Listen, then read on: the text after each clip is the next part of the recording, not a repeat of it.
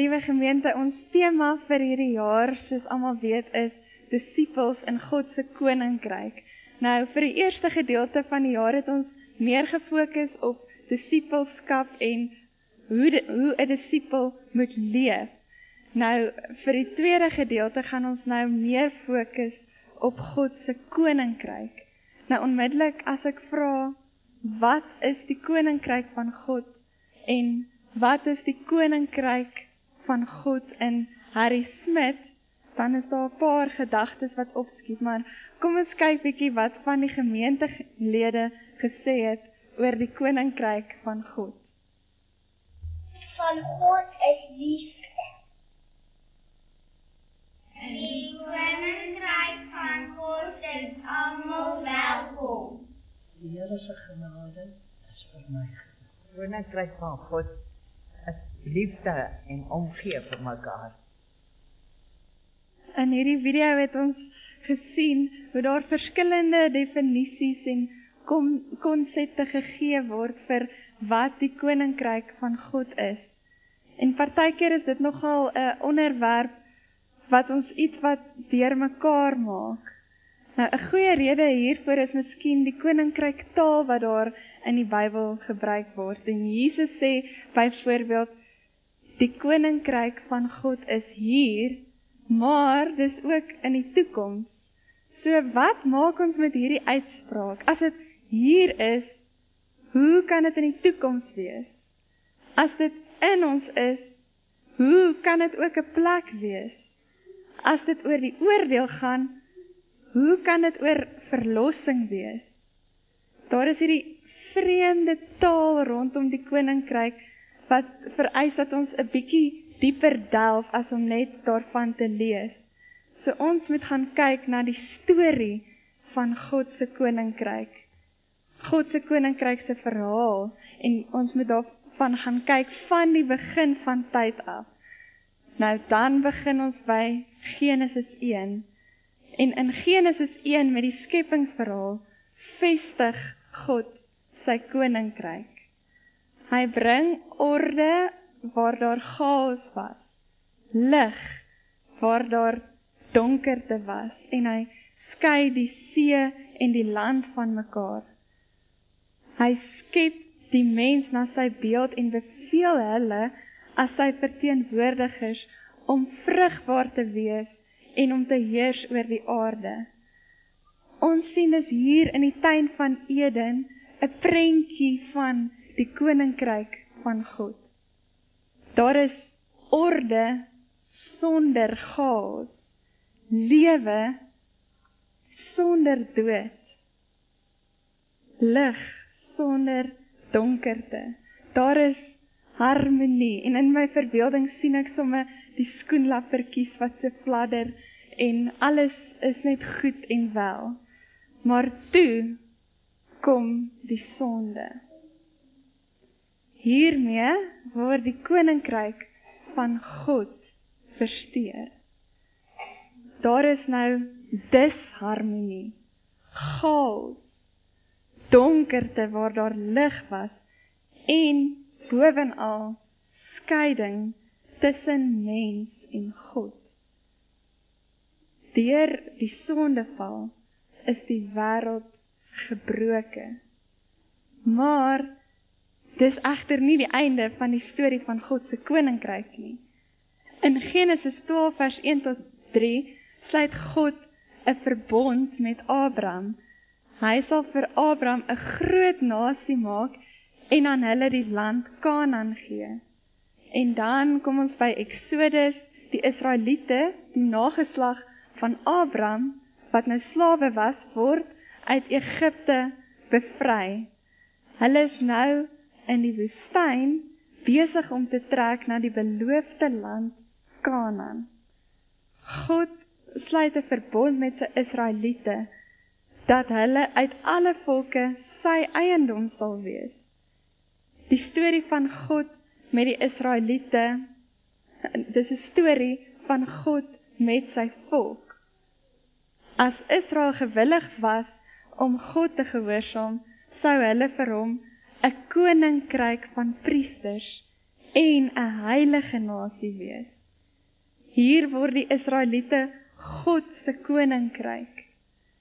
So in die woestyn by die Sinaai berg kry Moses dan die 10 gebooie. Maar intussen maak die volk 'n goue kalf en aanbid dit eerder as vir God.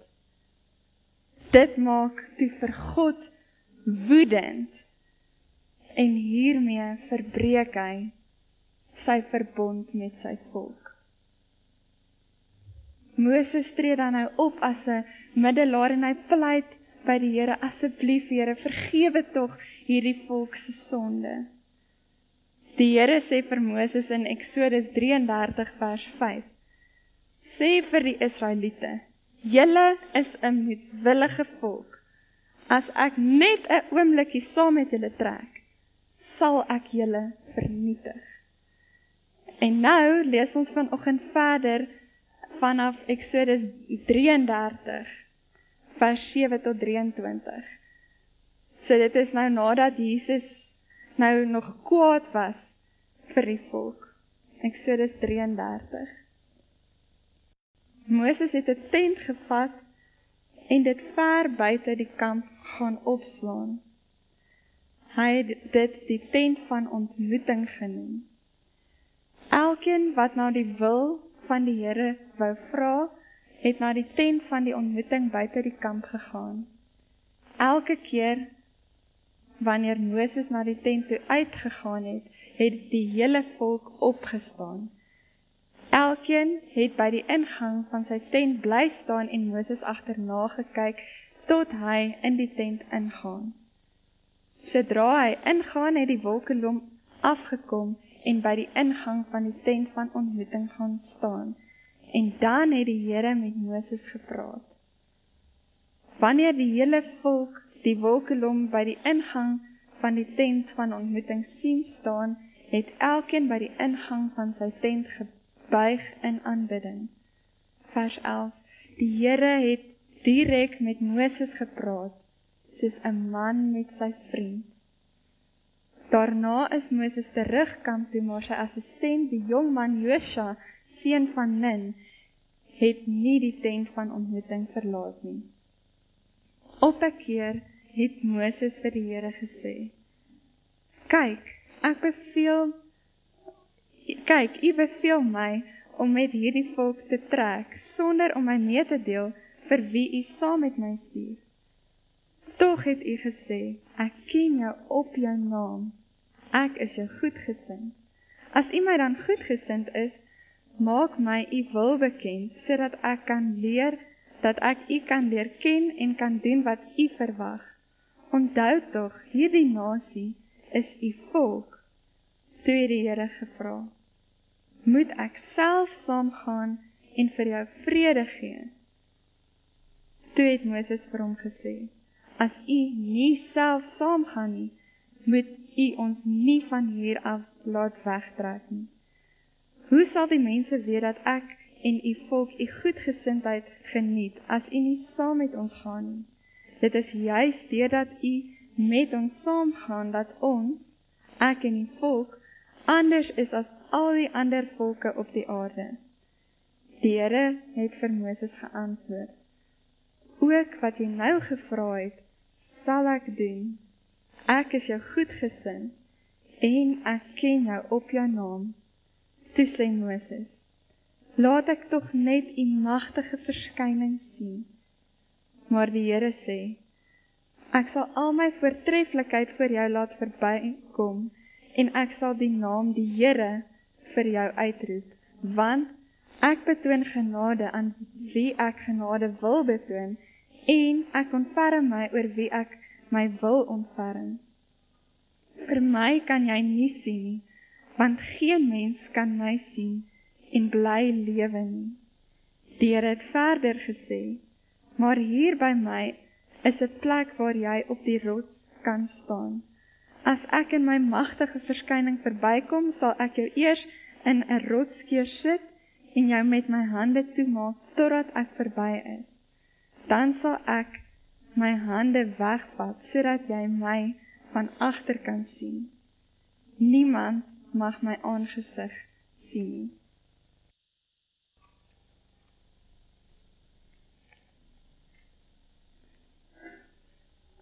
Wat ervaar ons in hierdie gedeelte oor die koninkryk van God? Wat sê hierdie stuk vir ons van God se koninkryk in 'n gebroke wêreld? So hier rig Moses nou 'n tent van ontmoeting op in die hoop dat God hom daar sal ontmoet. Die almagtige God, die koning, besluit dan tog om af te kom. Hy, die koning, het in sy grootheid afgekom na die mens toe, want die mens kan nie opgaan na hom toe nie. By hierdie tent van ontmoeting het die Here direk met Moses gepraat soos 'n man met sy vriend. Hulle het 'n besondere verhouding gehad en Moses het die teenwoordigheid van God geken. En hy het al meer en meer daarna gesmag om die Here nog beter te leer ken en daarom vra hy vir God: Here, kan ek U tog maar net sien? In die Hebreë staan daar: Laat my tog U heerlikheid sien. En God laat hom toe om hom van agter af te sien, want niemand kan hom sien en bly leef nie. Moses soek die aangesig van die Here, nie sy hand wat hy vir hulle kan gee nie. Die Here vra vir Moses 'n baie belangrike vraag. Moet ek self saamgaan en vir julle rus gee? En dan Moses se antwoord: As u nie self saamgaan nie, moet u ons nie van hier af laat wegtrek nie. So Moses besef iets belangrik hier. Die teenwoordigheid van die Here is veel meer belangrik as die beloning wat hulle sou ontvang van die beloofde land. Hy soek na God se teenwoordigheid eerder as na God se geskenke. Die Here vra vir Moses: "Wat is nou eintlik vir julle die belangrikste? Dit wat ek vir julle kan gee of is my teenwoordigheid alleen vir julle genoeg?" Hy besef dat Moses besef dat sonder die Here sal hulle vergaan. Nou daar's 'n uitdrukking in Engels wat dit vir my mooi opsom. Are you seeking God's presence or God's presence? Soek ons die presensie van God of net sy presente? Dit is die teenwoordigheid van God waarna ons mag, waarna ons honger en dors en waarna ons so verlang en tog kry ons dit nie uitgefigure nie. Dit is God wat aanhou afkom na ons toe. Ons het dit nog nooit reg gekry om 'n pad of 'n toring te bou na die hemel toe nie. As gevolg van die sondeval, as gevolg van die koninkryk wat verlore gegaan het, is die mens gedisoriënteer en gebroke. Daarom probeer ons hierdie gat, hierdie leemte binne in ons vul. En is eintlik merkwaardig as ons Eksodus 32 tot 34 as 'n geheel lees. Hier is die volk nou nog steeds by Sinai. Moses is nog steeds op die berg. Hy kry die 10 gebooie. Die volk sien die donderslae en die rookwolke. En dan ontstaan hierdie gek idee onder hulle. Kom ons maak God teenwoordig in 'n beeld. Kom ons maak 'n goue kalf. Dit is 'n moedswillige volk. Hulle is net stout kinders. Hulle probeer om hierdie leemte binne in hulle te vul en hulle is nooit tevrede nie en hulle soek altyd nog. Ons weet hoe hulle gekla het in die woestyn. Hulle hulle kla gedurig. Hulle sê self dat hulle wens hulle was maar terug in Egipte. So leef ons ook maar almal 'n droom. Ons hele lewe lyk so van kindsbeen af. Ons het hierdie wens dat as ons klein is dan wens ons ons kan maar net skool toe gaan. Dan as ons op skool is, dan wens ons die skool kan nou maar net klaar maak dat ons kan universiteit toe gaan. Dan wens ons dat ons 'n werk kan kry, 'n huis kan koop, 'n groter huis koop. Dis nog nie genoeg nie. Ek moet 'n plaas koop. En dan ek moet as ek maar net 'n huisie by die see kan koop, 'n aftreeplekkie. En dan as ons daar kom, dan wens ons maar weer dat alles maar net kon wees soos wat dit vroeër jare was. In die oë van die wêreld is daar 3 dinge wat mense se identiteit op aarde bepaal. Dis nou in die oë van die wêreld. Wat jy kry, wat jy ry en waar jy bly. Ons bly soekend. Ons is nooit tevrede nie. Tog is hierdie wat jy kry, wat jy ry en waar jy bly is nie wat ons die nodigste het nie. Net soos die volk van Israel is ons fokus verkeerd. Ons fokus op goed eerder as om op God te fokus. Die verskil in die twee letters, ag in die twee woorde is die lettertjie E. Goed en God. Die E staan vir ek, wat ek kan kry of ry of waar ek kan bly.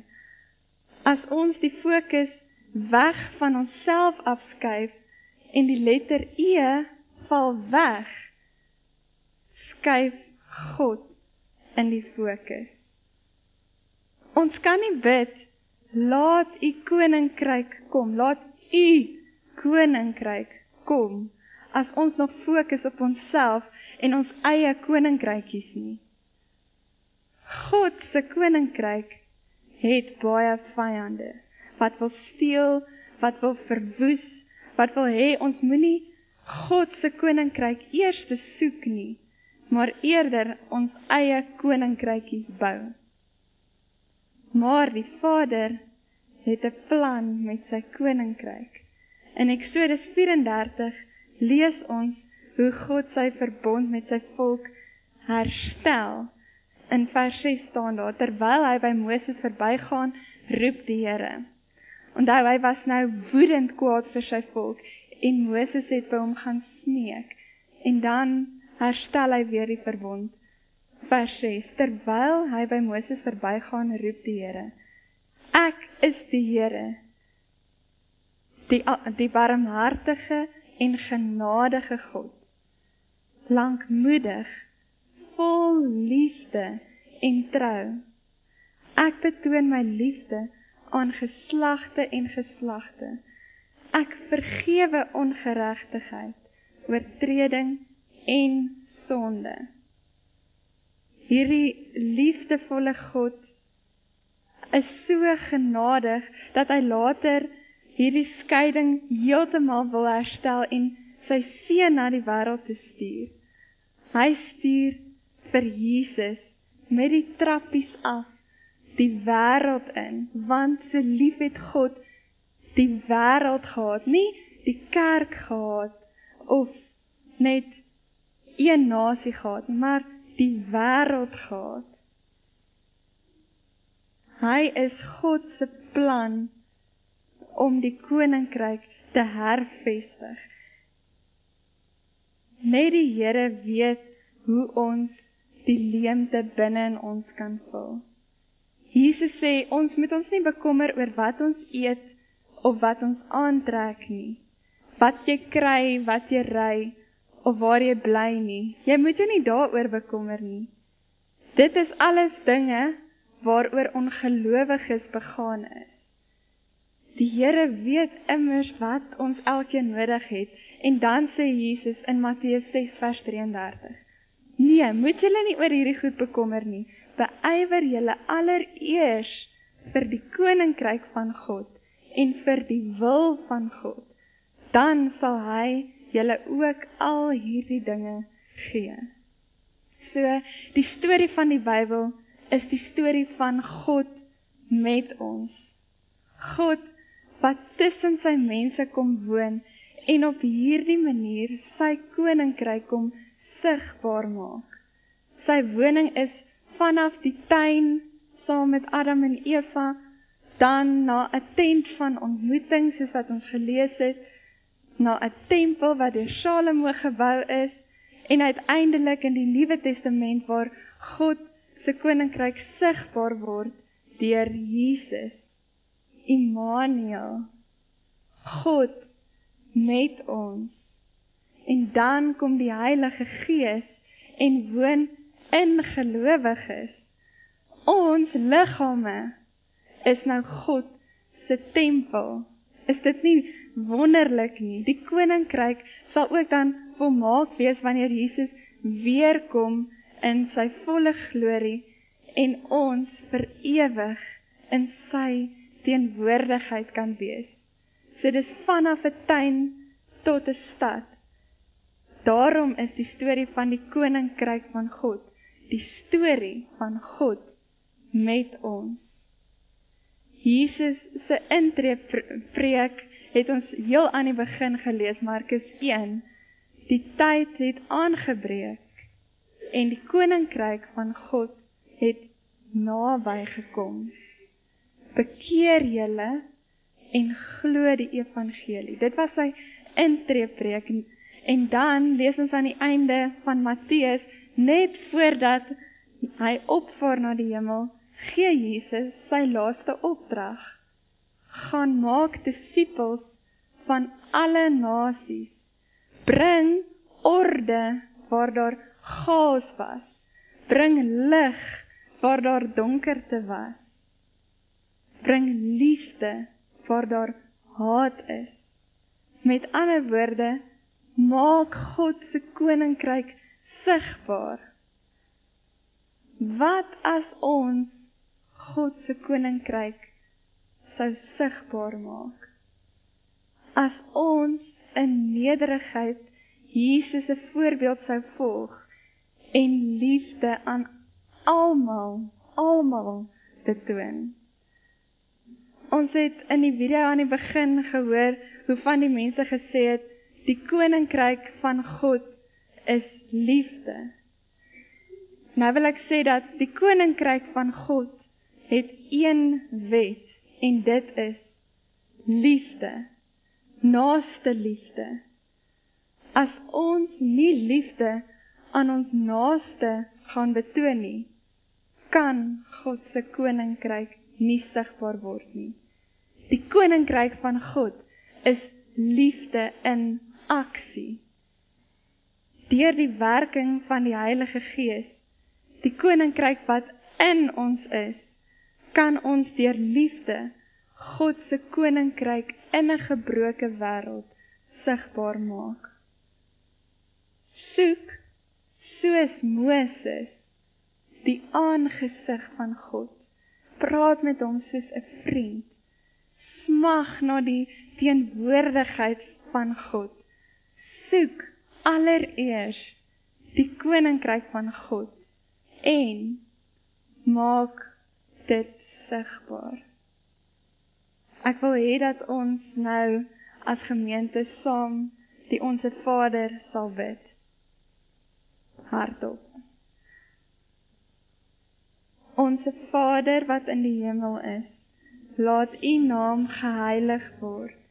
Laat U koninkryk kom. Laat U wil geskied, soos in die hemel, net so ook op die aarde. En gee vandag ons daaglikse brood en vergeef ons ons skulde, soos ons ook ons skuldenaars vergewe en lei ons nie in die versoeking nie, maar verlos ons van die bose, want aan U behoort die koninkryk en die krag en die heerlikheid tot in ewigheid. Amen.